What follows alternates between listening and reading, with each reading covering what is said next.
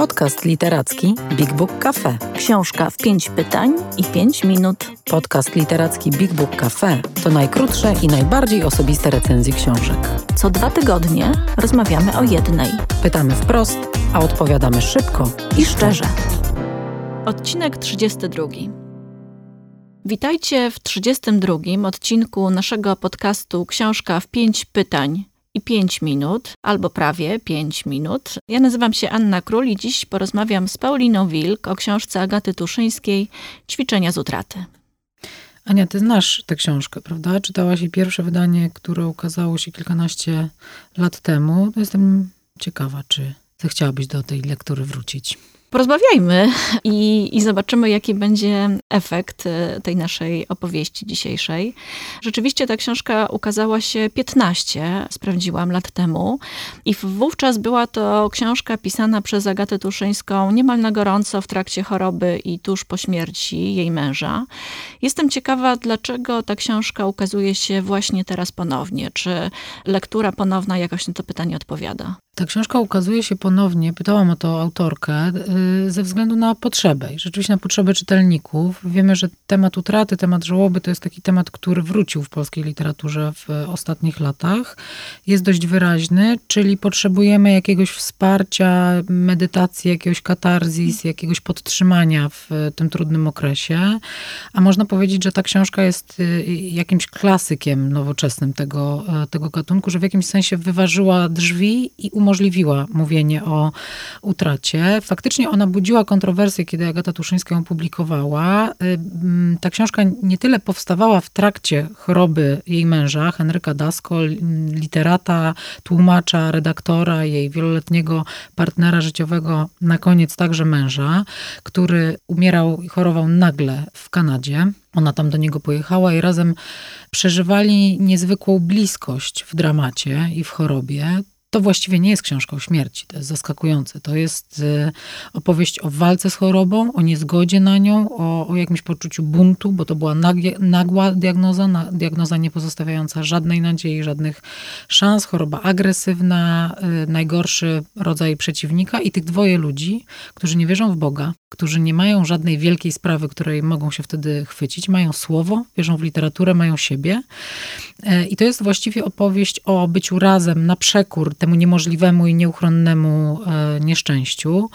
Myślę, że Tuszyńska wraca do tej książki po latach ze względu na wyraźne sygnały od czytelników, ich potrzeby tej książki, bo ona zniknęła z rynku.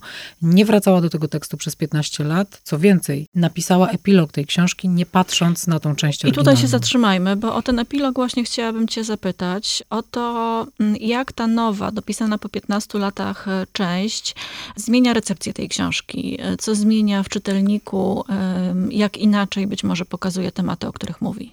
Ja myślę, że ona nie zmienia tego odbioru, ale rzeczywiście dopisuje ciąg dalszy, bo to jest ciekawe, co kobieta, która straciła wielką miłość swojego życia przedwcześnie, bo była około pięćdziesiątki, za późno, żeby pokochać tak mocno ponownie. To już wiemy po latach, że ona kolejnej takiej wielkiej miłości nie przeżyła.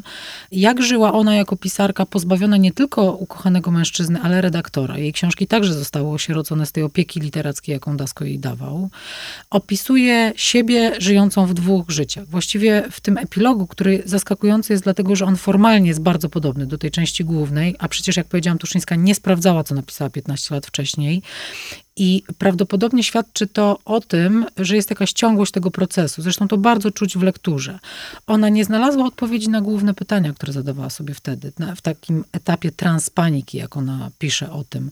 Tu się nie tyle coś szalenie zmieniło czy przełamało. Ona nie ma nowego, drugiego życia, ale są dwie Agaty Tuszyńskie i o tym ona pisze w tym epilogu. O tym, że jest taka część jej, która została z tym ukochanym mężczyzną za szybą. Już nie uczestniczy w świecie, bo nie da się zatrzeć tego poczucia utraty. Ona pisze o rzeczach, których nie robi. Nie robi, bo nie ma tego człowieka, z którym mogłaby je robić, ale pisze też o tym, jak żyje, co wybrała, co okazało się dla niej ważne, jak bardzo poświęca się pracy, przyjaciołom, jak y, znajduje sens i poczucie wartości w innych sprawach, jak wciąż kupuje dla niego ołówki.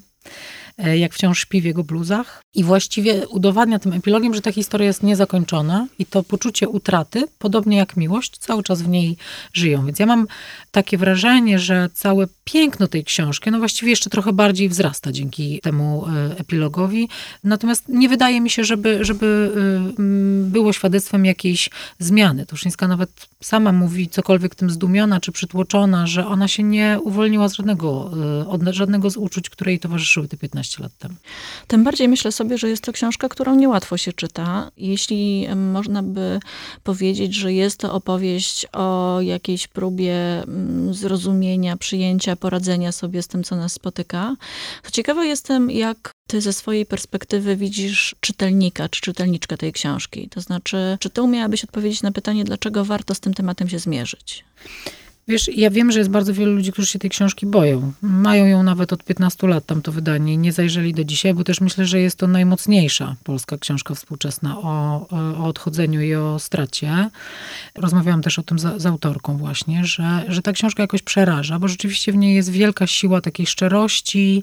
To jest książka bardzo emocjonalna, jest o uczuciach towarzyszących y, na, nagłej chorobie, śmierci, umieraniu, cierpieniu również. Ona, to jest książka o rozpaczy, całkowitej, kompletnej, na którą bardzo trudno znaleźć słowa, chociaż Tuszyńskiej się udaje ją na siłę tych słów jednak myślę dosyć precyzyjnie udowadnia, wbrew temu, co sama pisze, że wtedy w tej rozpaczy nie wierzyła językowi, nie wierzyła, że e, to się zrobić uda. Dla niej na pewno ta książka była ratunkiem i właściwie jakimś sposobem przetrwania, a także zapisania e, pamięci tego czasu. Czym może być dla czytających?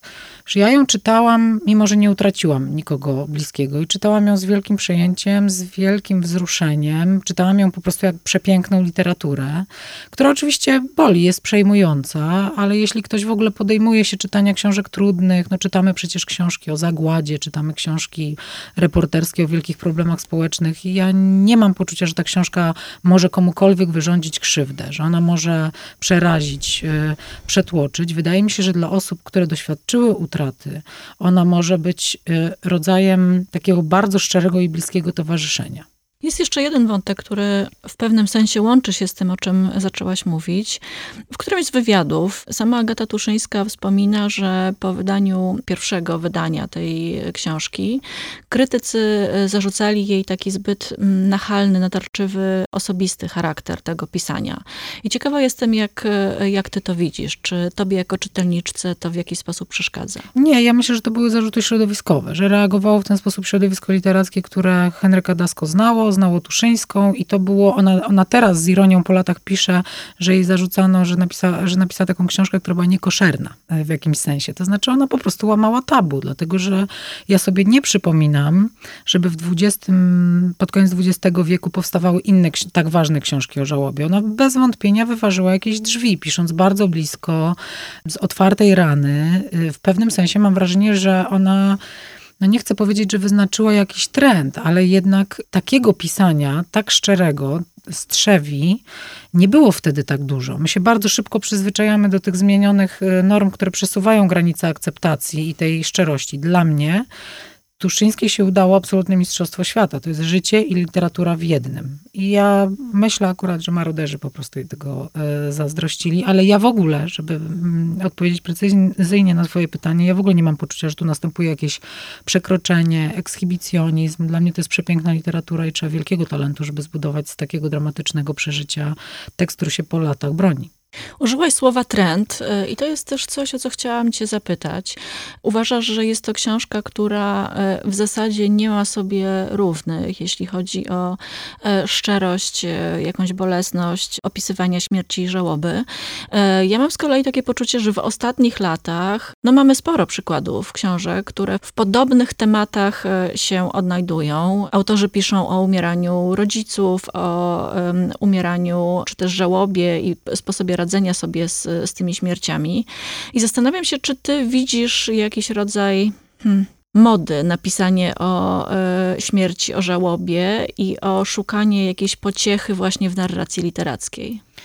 Myślę, że widzę potrzebę, że to jest chyba to, jest chyba to, to słowo. Y, Tomek Stawiszyński w tym ostatnim swojej książce filozoficznej Ucieczka od bezradności pisze o tym kulturowym wypychaniu żałoby, utraty, smutku, o tym, że jest jakiś nieomal niepisany zakaz dotykania takich tematów. Myślę, że w jakimś sensie trzeba być odważnym pisarzem, żeby, y, żeby się wziąć za ten temat i opisać go nie banalnie, a robili to w ostatnich latach Inga Iwasiów, robiła to Mira Marcinów, robił to Marcin Wicha, Justyna Tomska ostatnio w swoim tomie poezji, robił to też Marek Bieńczyk. I to są książki, które myślę wszystkie są znakomite w jakiś sposób. Wszystkie coś łączy, to znaczy one wszystkie są szalenie oszczędne językowo. I to jest też koronny dowód na to, że Tuszyńska nie, nie robiła niczego przesadnego ani ekshibicjonistycznego, dlatego że jej język jest bardzo wystudzony, jest bardzo spokojny, to są często pojedyncze frazy, pojedyncze słowa wręcz. Myślę, że jest taka książka wśród tych, o których mówimy, która w moim odczuciu dorasta do tej wielkiej klasy literackiej, którą pokazała Tuszyńska i to jest Mira Marcinów. To znaczy, to jest też książka zupełnie bezkompromisowa, również wobec samej siebie. Napisana ogromnej szczerości i wydaje mi się, że dzisiaj to, co Mira Marcinów zrobiła, nie wydaje się już kontrowersyjne. To już się nie wydaje, że poszła za, za daleko czy za blisko. Być może dzięki temu, że Tuszyńska nas jakoś oswoiła z tym, że, że można y, mówić y, o żałobie w sposób tak absolutny, totalny w jakiś sposób. E, I chyba też e, szczery i oczywisty, bo e, to, co mm, ja przypominam sobie z lektury tej książki sprzed kilkunastu lat, to to, że mm, z jednej strony Tuszyńska stawia się w siebie w pozycji zaskoczonej, zbuntowanej, niepogodzonej z tym, co się dzieje, ale z drugiej strony pisze o tym, co się przy, im przytrafia, jako czymś oczywistym, co może się po prostu zdarzyć i co trzeba jakoś przyjąć i siebie w tej sytuacji odnaleźć. I ja pamiętam, że to chyba na mnie zrobiło jakieś takie ogromne naprawdę e, wrażenie i, i było czymś poruszającym. Nie wiem, czy będę w najbliższych tygodniach czy miesiącach sięgała po ćwiczenia z utraty. Mam to nowe wydanie, kładę je na y, półce blisko łóżka, więc z całą pewnością po tę książkę sięgnę, ale może to akurat nie jest ten czas. Ja myślę, że to jest taka książka, którą warto w domu trzymać za szybką, z napisem e, stłuc szybkę w razie potrzeby. To jest, to jest takie narzędzie ostatniej pomocy w sytuacji rzeczywiście życiowo trudnej. Nie znam nikogo, kto wziąłby tę, rękę, tę książkę do ręki e, dla czystej przyjemności y, czytania, bo tej lekturze muszą towarzyszyć trudne momenty, ale jest jeszcze jeden powód, dla którego warto ją mieć. To wznowienie jest wydane naprawdę pięknie, jest pięknym obiektem fizycznym też ta książka. Wielu w takim razie pięknych emocji związanych e, z czytaniem ćwiczeń e, z utraty życzymy. I to wszystko dzisiaj. Na dzisiaj to wszystko. Do, kolejny odcinek e, naszego podcastu za tydzień, jak zawsze co wtorek. Zapraszamy. A do Big Book Cafe zapraszamy 7 dni w tygodniu. Do usłyszenia i zobaczenia. Więcej o książkach opowiemy Wam osobiście, jeśli odwiedzicie Big Book Cafe, czyli księgarnię, kawiarnię i Centrum Wydarzeń Literackich. Wejdźcie na bigbookcafe.pl lub odwiedźcie nasz profil na Facebooku. Big Book Cafe. Czytam, gadam, żyję.